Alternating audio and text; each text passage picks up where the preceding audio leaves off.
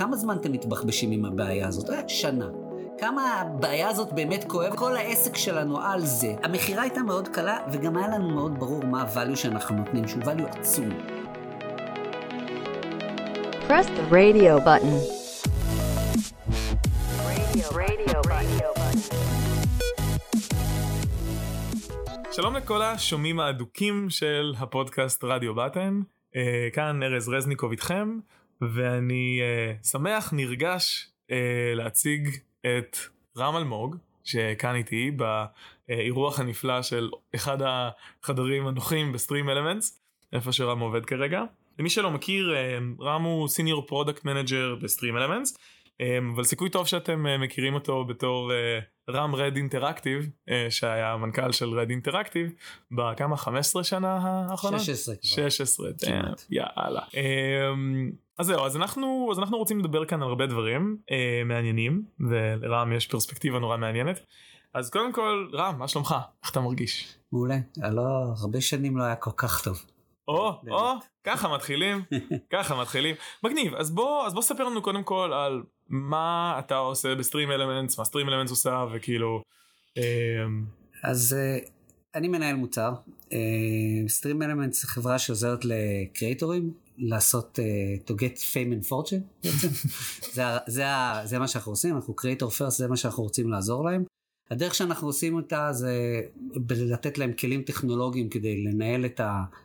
ה-life cycle של, ה- של ה-creation שלהם, אנחנו בעיקר עובדים עם creatorים של live, של Twitch, אבל אנחנו עובדים גם עם אה, YouTube ועם טיק טוק, אה, עם היוצרים האלה, אנחנו נותנים להם כלים שעוזרים להם חינם, שעוזרים להם לנהל את ה-stream, אנחנו מייצרים את המערכת יחסים שבה אנחנו תומכים בהם. אנחנו לא מדברים רק על ה-top creators כמו agency, אנחנו מדברים על ה-middle class של, ה- של ה-creatorים, כאילו streamerים של משחקי מחשב ודברים אחרים. בדיוק. זאת אומרת, streamerים, אנחנו, זאת אומרת, כל מי שרוצה יכול לבוא להשתמש בכלים שלנו חינם. ובנוסף לזה אנחנו מציעים להם הזדמנויות לעשות כסף, אנחנו עוזרים להם לעשות כסף דרך אה, אה, כלים סטנדרטיים כמו לעודד טיפים, לעודד subים, לעודד, אה, אה, אנחנו עושים להם חנויות merch חינם, אבל ה-big thing שאנחנו עוזרים להם זה אנחנו מקשרים בינם לבין מפרסמים, advertisers, ואני חושב שאנחנו החברה היחידה בעולם שעושה את זה at scale, מחברת בין creatorים לבין אה, brandים שהם סופר אה, אה, גדולים, שרוב ה-creatorים בחיים לא היה להם סיכוי לעשות איתם sponsorship, ואנחנו עושים את זה at scale, וזה מגניב. רגע, אז איך StreamElements עושה כסף מזה? אנחנו, אנחנו עושים אה, איתם business partnership על ה-advertiser, אז כאילו זה rev share כאילו על ה... על ה-advertising. הבנתי. אנחנו עושים, אה, גם זה מאוד חשוב לנו, אנחנו עושים performance based advertising, זאת אומרת, אנחנו ממש על conversion. כן, זה לא- זה לא buying media כאילו. זה לא buying media, זה לא awareness, אנחנו hardcore uh, conversions, וזה מאפשר uh, ל-streamerים באמת, או בכלל creatorים לעשות כסף משמעותי מזה, וגם לעבוד עם brandים טובים, ומצד שני ה-brandים מקבלים מאיתנו באמת ROAS מדהים, משהו מטורף כאילו יחסית לשוק. אני עוסק בכל מה שאנחנו נותנים חינם, אבל צריך להבין גם את ה-scale, זאת אומרת, אה, בכל יום מיליוני אנשים אה, משתמשים במוצר שלנו, ועשרות מיליוני אנשים צופים, ובעצם עושים אינטראקציה עם המוצר שלנו, זה כאילו, יש לנו וואחד scale.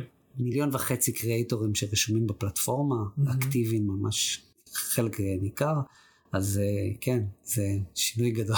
זה מגניב. אז רגע, אבל זה קרה בכמה חמישה חודשים האחרונים נכון? ממרץ. ממרץ. ועד אז, לאורך 15 וחצי 16 שנה, היית משהו אחר לגמרי. נכון. אה, אז בוא נדבר על זה רגע.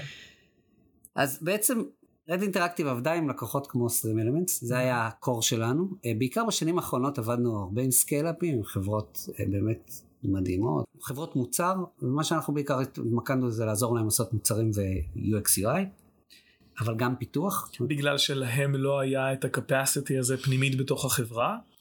אז איך הגיעו אליכם בכלל? אז כאילו, בוא למה? ניקח קודם כל מסע בזמן אה, 16 שנה אחורה, אז לא היה. זאת אומרת, לא היה הרבה יכולת. אה, אנחנו, אני והשותפים שלי, אורית ואייל, אנחנו הגענו מחברת אה, מוצר, אה, אנחנו מדברים על 2006, אה, לא היה הרבה חברות אה, שהבינו מה זה UX, אנחנו היה לנו הזדמנות, כי באנו מחברה של e-learning והיה לנו know-how, אבל גם אז אנחנו המון המון המצאנו. נתנו תמיד עניינו מוצרים, אף פעם כמעט לא עשינו branding או corporate website או website, תמיד התעסקנו ב-core product. וגם היה לנו יכולת טכנולוגית, אז בשנים האלה לא היה כל כך, זאת אומרת, זה לא היה הרבה in-house בכלל של הדבר הזה, והיו פונים אלינו בשביל לתכנן מערכות גדולות, כל מי שהיה צריך, מערכות גדולות ומסובכות. Uh, בהתחלה עשינו המון e-learning, המון uh, מהתחום שבאנו, אבל אחר כך זה הלך לכל מיני מקומות טכנולוגיים, וכיוון שהיה לנו תמיד קור טכנולוגי, אז יכולנו להשתלב די בקלות בחברות שהן טכנולוגיות, וזה מה ש, שעשינו. בעצם ב... 13 שנה הראשונות התעסקנו בעיקר עם UX UI mm-hmm. אה, ופיתוח. היה לנו תמיד אגף של פיתוח, תמיד עשינו אה, פרויקטים וגם לא קטנים. ואז בעצם המפתחים שלכם מתממשקים עם המפתחים שכן יש בחברה. ש... אם יש. לא תמיד יש באמת? לא כי... תמיד, שוב אני אומר, תראה, תראה הרבה זמן אחורה, יש חברות שעבדנו איתן, שאנחנו כתבנו להם את כל הפלטפורמה, ואז גייסנו להם צוות, הכשרנו אותו ושלחנו אותם לדרכם. גדול. זאת אומרת, מערכות יחסים של עשר שנים עם לקוחות. Mm. ובעצם המודל העסקי שלנו כדיזיין סטודיו היה תמיד יותר מסובך מרוב הדיזיין סטודיו. כל הדרך שלנו לעשות scale uh, תמיד הלכה לכיוון של get better clients, mm-hmm. מאשר to scale up. כן. בעצם כשאתה design studio, אתה יכול לעשות שני דברים, אתה יכול או to scale את, ה, את, ה, את ה-operציה שלך, ואז mm-hmm. by, by definition אתה עושה downgrade ל-performance שלך, ל-quality שלך. כן, זה רוחב ועומק. כן, אין, אין, אין בהם, אין, אין הרבה דרכים, זאת אומרת, אפשר לגדול עד, אני מניח, 20, 40 אולי, באמת אתה יכול, אבל אתה מתחיל, איך שאתה מתחיל לגדול, אתה מתחיל לרדת באיכות. היה לנו מאוד קשה עם זה תמיד, אז, אז, אז, אז גם, גם אני חושב שאנחנו לא כל כך טובים בזה. אין לי added value ב-management של scale, אף פעם לא היה. אבל... לך אישית? לי אישית, וגם לשותפים שלי, אנחנו, תראה, אני, אה, אני כותב קוד מאז שאני בן 14, אני איש תוכנה. אה, לא למדתי design אף פעם, למדתי קולנוע. אבל אני תמיד הייתי איש מוצר, ושוב, בתקופה שאני הייתי מנהל מוצר, למדתי להיות מנהל מוצר, לא היה כמעט. זאת אומרת, היה רק בחברות מאוד גדולות מסודרות, זה לא היה, לא היה כמו היום, כולם יודעים מה זה מנהל כן. מוצר, זה תפקיד. לא היה את זה, אנחנו די כתבנו חלק מה-playbook לדבר הזה, וגם ב-Red עשינו כל מיני סטארט-אפים וניהלנו מוצרים כאילו שהיו שלנו, ותוך כדי, יש לנו מלא spinoffים, אחד עשה אקזיט, כל מיני כאלה, ש... כל מיני הרפתקאות בדרך, אז תמיד התעסקנו עם מוצרים, אבל אני אין לי השכלה, אבל עוד יותר ממה שאין לי השכלה כ-designer או כ-product manager, אין לי שום השכלה כ-manager.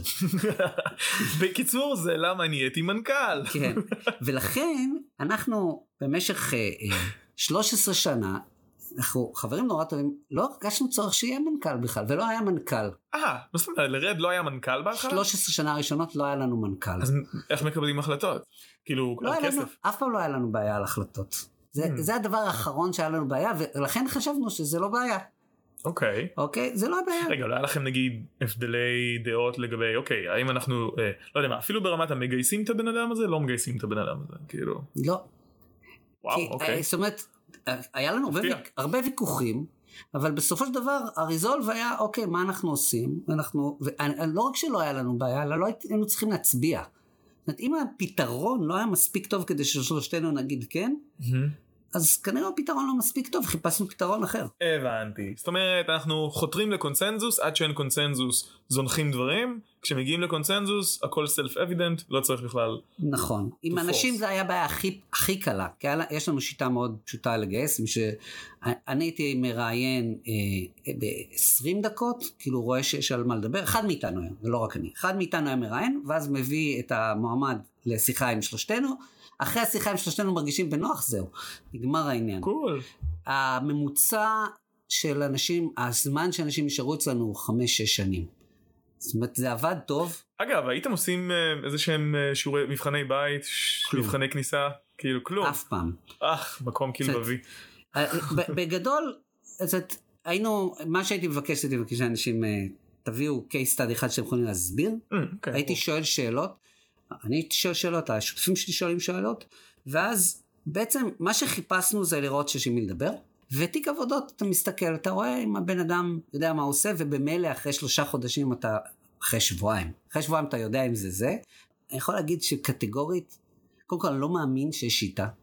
בן אדם, אנשים זה אנשים נורא מורכבים, ותמיד, תמיד היה לנו כל מיני misfits, אנשים שבחיים לא היית מגייס, יום אחד נכנס אצלי בדלת בחור עם כובע, בחור חרדי, עם כובע גדול חרדי, ו- וישבנו דיברנו, היה בן אדם מדהים, גייסנו אותו, אחד הגיוסים הכי טובים שהיה לי. אחלה, כאילו, זה, זה תמיד היה כל מיני, והוא חוזר בתשובה, ש, שמשחק כדורסל, וכאילו כל מיני אנשים כאלה. אז זה הכיף של design studio. הנה ה diversity כן. האמיתי, כמו שהוא אמור להיות.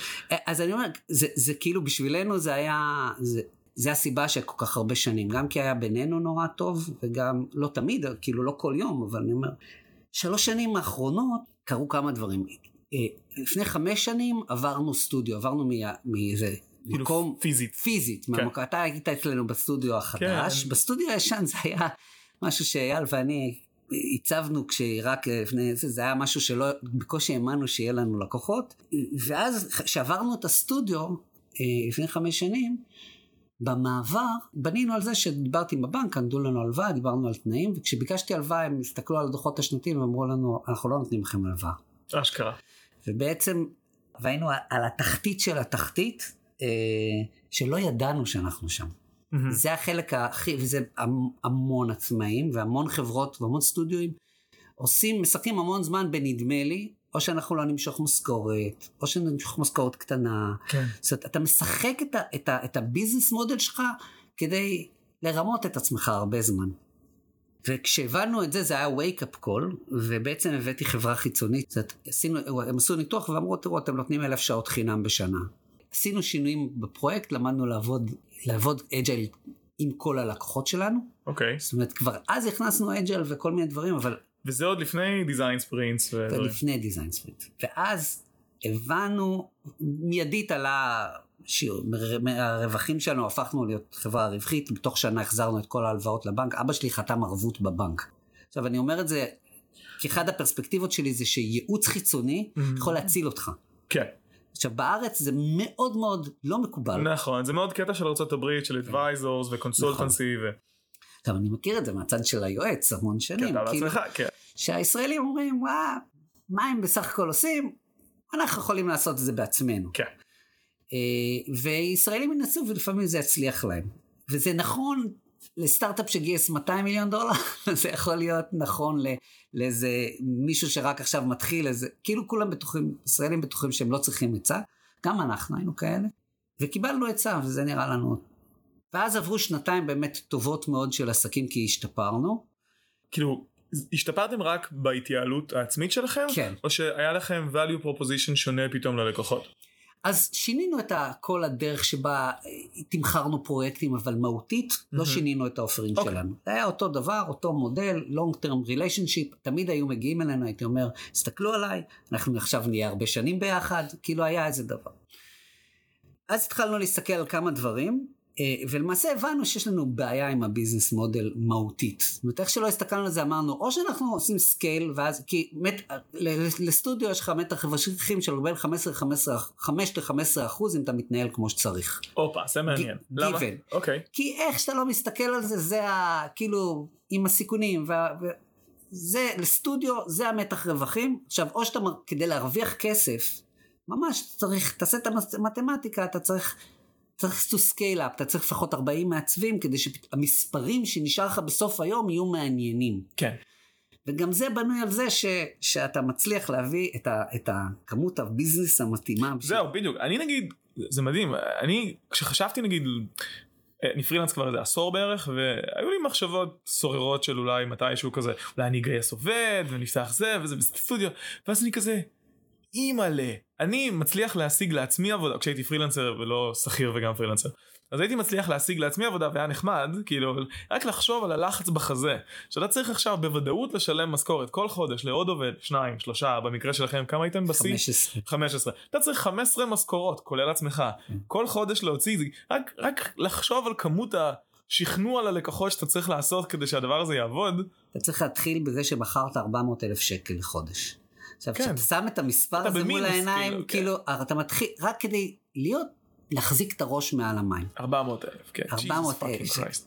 אז כאילו, עכשיו, יש חודשים, אתה צריך יותר, כי יש חודשים שהם downtime, אין, אין איך שלא כן, מסתכל על זה. חגים, עניינים, כן. ואז אורית אמרה לי, תקשיב, יש איזה אחד, אני לא יודעת למה אני מקשיבה לו, ג'ונתן קרטני, הוא בוחר דיזיין ספרינט, עכשיו עשינו, ניסינו את ה design sprint לפני אה, כמה... זה אפילו לא ג'ייק נאפ, כאילו איש... לא, לא, למה? second hand, כאילו. למה, למה ג'ונתן קרטני? כי ג'ונתן קרטני, ה pitch שלו היה, אני אלמד אתכם להריץ ולמכור design sprint. אמ, הבנתי. עכשיו, הוא סיפר סיפור מאוד יפה. הוא אמר, תראו, אתם כל עוד אתם מוכרים, אה, אה, אתם מוכרים time and materials, אין שום סיכוי שתעלו מעל 5 ל-15 אחוז. זה נכון גם לכל המפעלים, זה כאילו. מעניין מאוד. אוקיי. אוקיי? הוא אמר, אני עבדתי ככה, ותמיד כל הפרויקטים האלה, אתה עובד שנתיים, אתה נותן...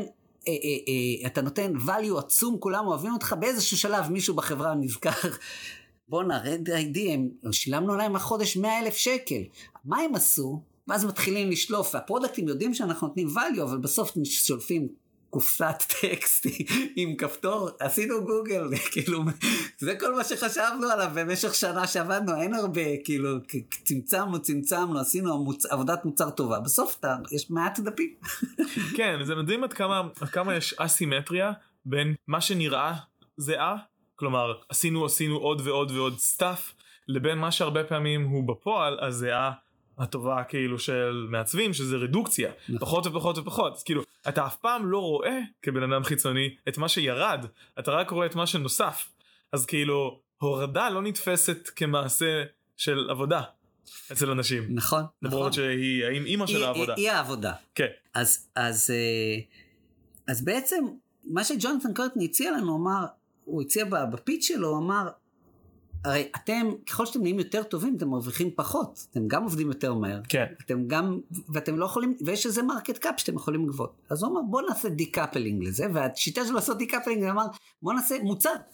המוצר הזה הוא קרא design sprint, ואנחנו שילמנו, ובאותו קיץ, שהיינו בתחתית של התחתית, שילמנו לו, אני חושב זה היה 2,000 דולר, ל- 2,000 או 2,500 דולר כדי ללמוד את השיטה לעצה שלו. כן זו העצה לא, לקורס, למדנו קורס איך מריצים design sprint, והוא גאון. הוא הציג מוצר של איך מוכרים design sprint, playbook, הוא גאון, אדיר, והוא נתן את הכל. הוא פתח לנו איך ההצעות מחיר נראות, איך, ה, איך התהליך, איך הוא מנהל שיחת מכירה, איך הוא מסביר את ה-value proposition.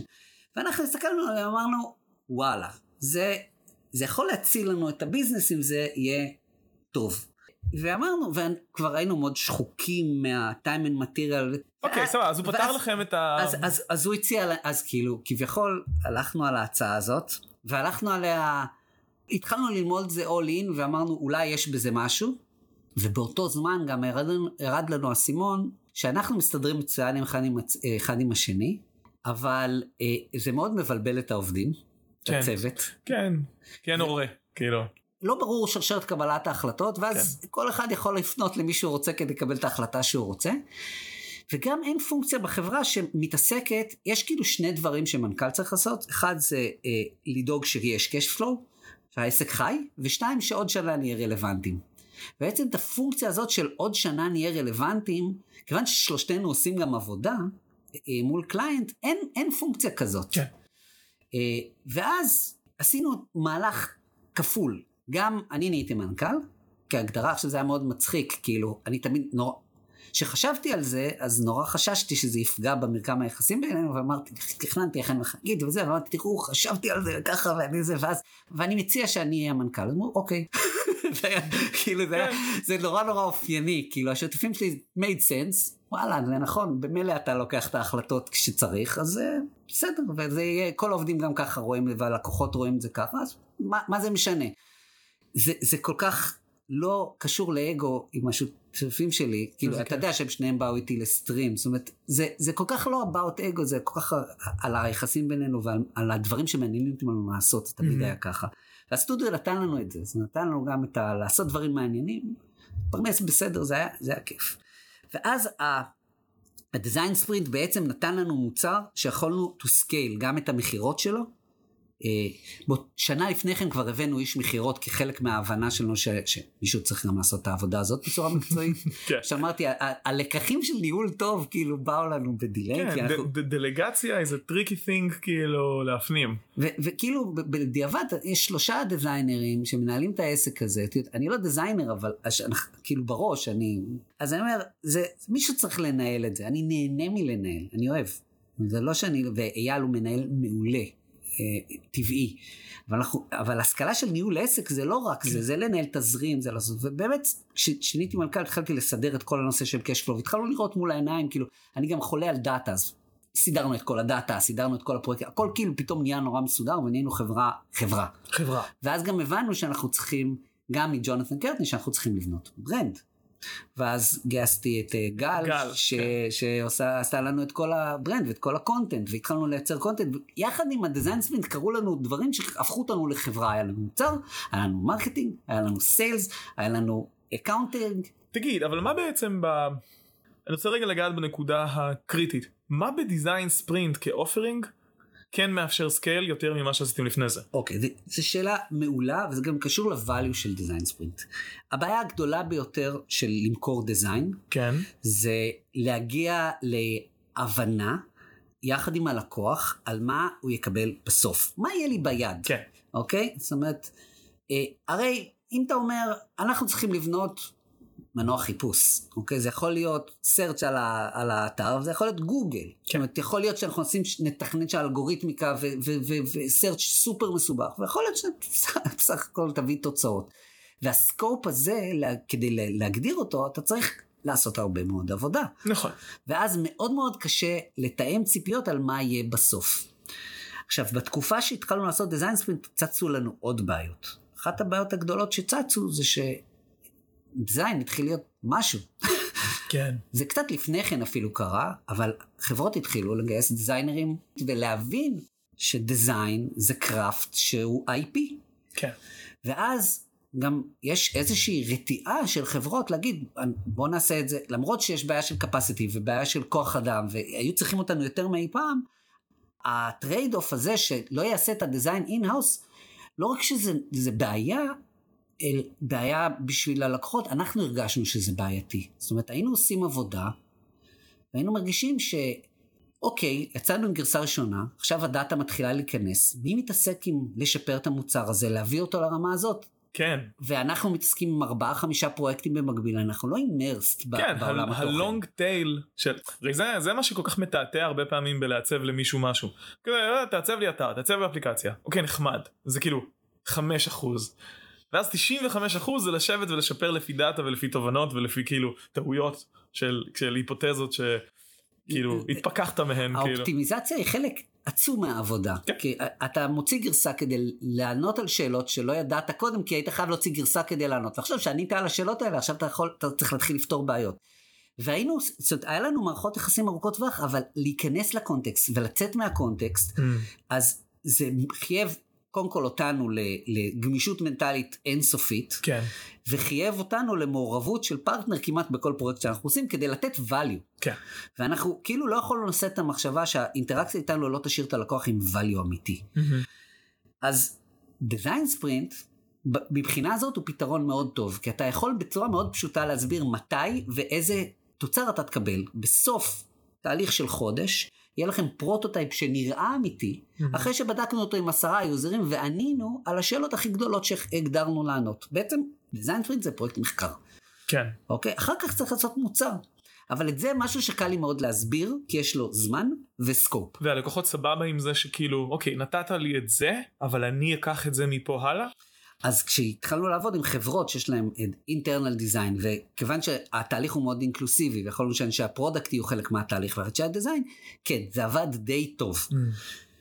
Having said that, אה, reality hits. אה, לא בכל החברות שעשינו דיזיין ספרינט היה את הכלים לקחת את זה קדימה ברמה שאנחנו עשינו זאת.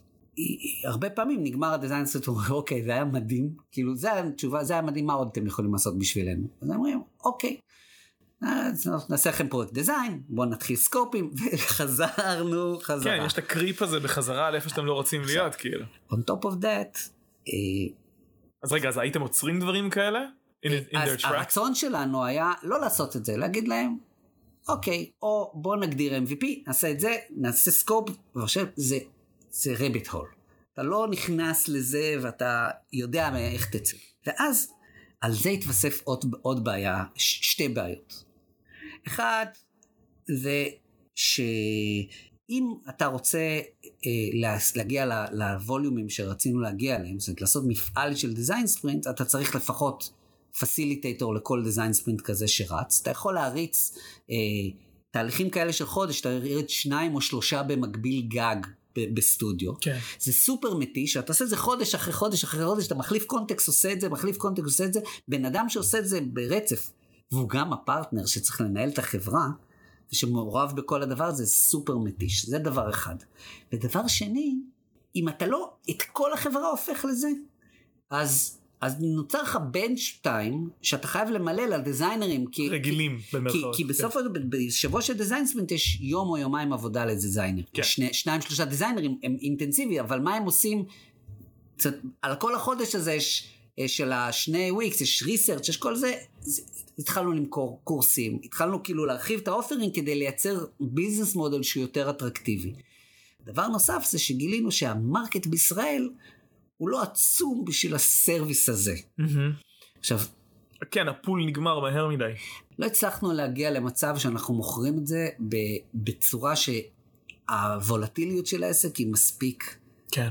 אה, עדיין היינו הרבה יותר, סדרי גודל יותר רווחיים בכל פעילות כזאת, זה עדיין היה הרבה יותר טוב, אבל היינו חייבים לעשות גם את זה וגם את זה. אז רגע, אז שנייה, אז בוא, let's double down on that. אז הרווחיות של לעשות דיזיין ספרינטס היא בגלל שהם תחומים קצרים ואפשר להתחיל למכור אותם אחת אחרי הש... כאילו ספרינט אחרי ספרינט אחרי ספרינט. ולתמחר? אותם לפי ה-value שלהם ולא לפי ה-time and material. אה, אני הייתי יכול להגיד, הבנתי. זה יעלה לכם 40 אלף דולר בסוף החודש. ועכשיו, והיו שואלים אותי, רגע, אבל כמה אנשים יעבדו? אמרתי, זה לא, לא משנה. Mm, אני יכול to guarantee את ה-result. כמה זמן אתם מתבחבשים עם הבעיה הזאת? אה, שנה. כמה הבעיה הזאת באמת כואבת. לכם? זה כל העסק שלנו על זה. כן. אז- לא שווה לכם? שווה זה, לכם. אז שווה לכם. ואם לא שווה לכם, ביי, תודה, כן. ביי. זה מאוד מאוד קל. הבנתי. אוק, ו- והמכירה הייתה מאוד קלה, וגם היה לנו מאוד ברור מה ה-value שאנחנו נותנים, שהוא value עצום. עם זה היה לנו קל. מהמם. עכשיו, מעבר לזה זה היה מסע מדהים בתוך marketing, בתוך pricing, בתוך זה היה מסע אל, אל תוך המוצר, עשינו עוד מוצר שהוא ה bootcamp ש, שאנשים באים ומלמדים אותם, וגם זה Mhm. מוצר. זאת אומרת, ו- ואז הגיעה הקורונה, זה- הדברים הלכו די טוב, ואז הגיעה הקורונה, ונאלצנו להעביר את הכל ל remote, שזה היה קל מאוד מבחינת הצוות. היה יותר קשה מבחינת אה, למכור את הסדנאות, כמובן. כי הרבה מה value זה שאנחנו מביאים אנשים, ו... כן. יש אינטראקציה כזאת, כן. נון נון ורבל שהיא הולכת לאיבוד בזום. ועוד כישלון גדול שלנו זה לא הצלחנו למכור הרבה כאלה לחברות מחוץ לישראל. Mm, זאת אומרת, רוב הלקוחות שלנו המכריע היו ישראלים, מהמם. עם הרבה כסף אבל ישראלים, וקשה מאוד לייצר ברנד, ב- גם באירופה הם מסתכלים עליך כאילו אתה אה, מדינת עולם שלישי, כן, ו- כזה. והאמריקאים לא, לא מוכרים ללא אמריקאים, היכול, אתה בעיקר מוכר ליהודים גם אם אתה מוכר בארצות הברית. בארצות הברית. מעניין. בתקופה הזאת צריך להבין, אנחנו עברנו את החמישים, אה, אה, שלושתנו, ואז התחילה אורית, זה תמיד אורית, כאילו שנתיים קדימה ממני, שלוש ארבע שנים קדימה מאייל, כאילו היא מושכת אותנו קדימה, אייל אומר, וואלה, טוב לי שנשאר ככה, ואני מסתכל על שני הצדדים, אבל היה, אה, אורית התחילה להגיד, תקשיב, זה לא ביזנס מודל. ת- תראה לי איך זה יכול לעבוד, איך אנחנו יכולים לעשות כסף, והראינו, היה לנו כל מיני רעיונות, והיא אמרה, זה יהיה נורא קשה, אנחנו...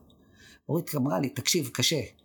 כאילו, עברנו שנים לא פשוטות. עם הגוגל ספרינט, עם ההתייעלות, עם הג- העלייה של המרג'ין. הגוגל ספרינט העלה את הוולטיליות, העלה את הלחץ. כאילו, הגדיל את המרג'ינים, אבל פתאום היה לנו Mm. ספרינט עם חברה נהדרת, באמת אנשים מקסימים. שבועיים לפני הספרינט אומרים לו, אוי, התבלבלנו, בשבוע שתיאמנו את הסדנה, יש תע- תערוכה שאנחנו חייבים ללכת, ודחו בחודש. בום. בום, 40 אלף דולר שנדחו בתזרים שלך מזה, ובנץ'. וזה כואב, זה כואב, כן. זה סופר כואב, עכשיו זה... ואז אתה ממציא עבודה לאנשים רק כדי שהם לא ירגישו שהם באים לסטודיו ואז סתם. אתה, ואז אתה מוצא את עצמך יותר גרוע מממציא עבודה, זה מתחיל להיות יצירתי מול הלקוחות שלך, אה, ברמה של, היי, מה אנחנו יכולים לעזור לכם? Mm. אה, מאוד אנחנו לא אוהבים להיות בפוזיציה הזאת. ברור. ואורית, founding מהד, אומרת לי, רם, אני גם לא מאמינה ב value מספיק. הופה. אני, אני חושבת, אני, היא התחילה לעבוד, כאילו, התחלנו לעבוד כ consultant, long term consultant, הפרטנרים בחברות, ועזרנו עם, כאילו, התרבות של design sprint וה value שלה לנהל, אה, לנהל אירועים של design בצורה שהיא מובנית, לא רק design sprint, strategy sprint, ישיבות קצרות. אנחנו באופן אישי יכולים להביא הרבה יותר value אם נתמקד גם בחלקים שבאים אחרי ה design sprint וגם הלקוחות היו אומרים לנו בואו תעזרו לנו גם אחר כך. כן. כן. אומרים היי אנחנו לא רוצים כל כך כי זה לא רווחי לנו וזה היה מאכזב אותם. כן. אז כן. הגיע ה boost המטורף של אה, גיוסים שבעצם Mm. גמר לנו את השוק בהרבה מובנים כי אמנם היה כביכול גמר יש... לכם את השוק? כן, How כי, so? כי יש דיזיינרים לא כל כך ששים להוציא החוצה עבודת design, Mm. והבעיות של סקיילאפים הן הרבה יותר גדולות מבעיות ש design sprint יכול לפתור. זאת אומרת, יש בעיות של Mm. business ובעיות של איך אנחנו מארגנים את הצוות. היה לנו המון מה לעזור כ single contributor, אבל לא היה לנו... אה, אה, אבל לא בלמכור להם design sprint. ואז אמרתי, יש כאן market opportunity, יש המון demand לאנשים כמונו, יהיו מוכנים לשלם לנו Mm. הרבה כסף, אנחנו יכולים לבוא, אולי לעבור כצוות, והתחלתי לחפש אקטיבית למי זה יכול להתאים. וכמובן שאתה מחפש אקטיבית גם באים אליך. ברור. אז בעצם ל StreamElements הגעתי מפודקאסט של, אה, של גיקונומי או ש... לא, מפודקאסט של אה, גרסת הבמאי, אממ. אה, שמעתי את גיל הירש מדבר, והוא הוא סופר הרשים אותי בגישה שלו ל product, אה, ומצאתי את עצמי מצטט מזה, ואמרתי וואלה בן אדם מעניין אני אדבר איתו. ואז בן של חברה מאוד טובה שלי, אה, מסתבר שהוא ה-Head of Engineering ב-Stream Elements, מכיר אותו גם דרך גל, מפה לשם. מפה לשם הרמתי טלפון, אמרתי תבדוק עם גיל אם יש עניין, אם זה יכול לקרות, אה, וגיל, התחלנו אני וגיל לדבר, וידה ידה ידה זה קרה, במקביל היה לנו עוד הצעות, הייתי אקטיבי, הש, השותפים שלי היו די בשוק לאן שהגענו, היה לנו מאוד קשה להחליט לוותר על, על מה שבנינו במשך כן 16 בואנה שנה. זה לבנות ארמון ואז לדרוך עליו כאילו. כל מה שעשיתי עד עכשיו הביא אותי ל-20 אלמנט, אני חושב שזה... מעניין. קודם כל, אני עושה עכשיו רק את הדברים שאני אוהב לעשות. כאילו, בלי הרבה מאוד מה... אני לא עושה את כל מה שאני אוהב לעשות, כי אהבתי למנכ"ל, אהב, אהבתי, אבל כביכול במרכאות כפולות אני המנכ"ל של הסקווד כן, שלי, יש בדיוק. לי המון עצמאות. כן להיות אבל- סיניור PM זה מנכ"ל קטן. נכון, אבל אתה... בלי דאגה לתזרים אבל- מזומנים. אבל אין לי דאגה לתזרים מזומנים, אה, אין לי דאגה ל- לכוח אדם, זאת אומרת, אני לא כן. צריך לגייס, לאשר את הדברים האלה, לדאוג למשכורות, כל הדברים האלה ירדו ממני, זה כיף, אני לא צריך ל- למכור את עצמי לשום אה, זה, וזה מאוד מאוד מאוד כיף. והדבר השני זה שאני חולה על דאטה, אני כאילו, תמיד הייתי חולה על דאטה, הדאטה של רד, כאילו ברשתות, יש דאטה, למדנו ב marketing, כאילו היינו מאוד driven של דאטה, הצלחנו להגיע ל funnels מאוד מאוד מגניבים של להביא לקוחות, אה, והיינו כאילו די פיצחנו את זה, גל פיצחה את זה, אבל עכשיו יש לי דאטה של מיליונים. של מיליונים, שאני עושה משהו, ולמחרת אני יודע אם צדקתי, טעיתי, כן אפשר להריץ A-B test נורא נורא מהר ויעיל. זה לוקח יום יומיים ואתה יודע. כן זה מדהים. אני ב Firebolt כשאנחנו מריצים ב marketing דברים בגלל שזה כאילו B2B יש הרבה פחות אנשים יש הרבה פחות כאילו דאטה. כאילו לבדוק עליהם כאילו כמה כבר נכנסו לך לאתר או לדפים המסוימים ואז אתה צריך להריץ A-B test שבועיים. אתה מריץ A-B test שבועיים אתה נחנק עד שאתה מבין בחזרה כאילו אם זה היה טוב או לא טוב כי יש לך כזה פיוז ענק כאילו מאז שהחלטת את ההחלטה לאט שאתה יכול להמשיך איתה הלאה. אז זהו, זה כאילו, בסטרים זה נורא מהר, כן. ההבנה אם צדקת או טעית. כאב לך הלב אבל לסגור את רד? אמ, לא, וואלה. לא, אני הייתי מאוד מאוד שלם עם זה.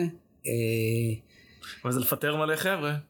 אתה אוהב? כאילו, מתוך רד חמישה באו אלינו וכל השאר די הסתדרו. כאילו, אוקיי. עזרנו להם להסתדר, זה היה, למי שיכולנו עזרנו להסתדר, רוב מוחלט של האנשים אה, הסתדר.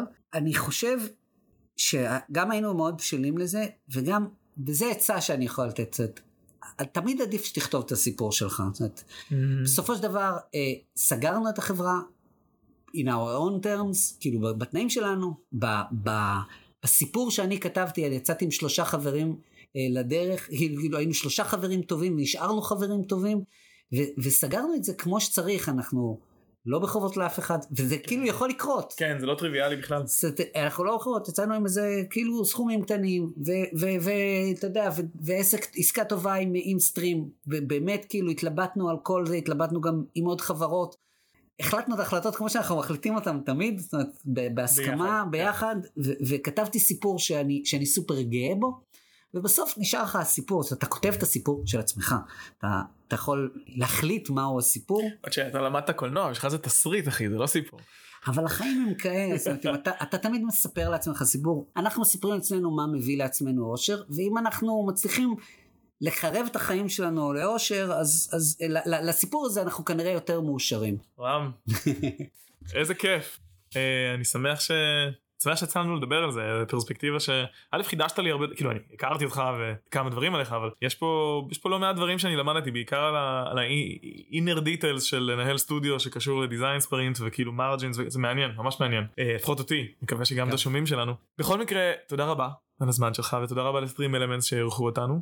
אה, למרות שאתה כאילו גם מייצג את סטרים אלמנטס אז תודה לך פעמיים אה, וזהו תודה רבה לכם שומעים יקרים ואני מקווה שהיה לכם מעניין ותודה רבה למרינה שתערוך את הפודקאסט הזה אה, בטוב טעם אה, וזהו נשתמע בפרקים הבאים אה, תהנו. Press the radio button. radio, radio.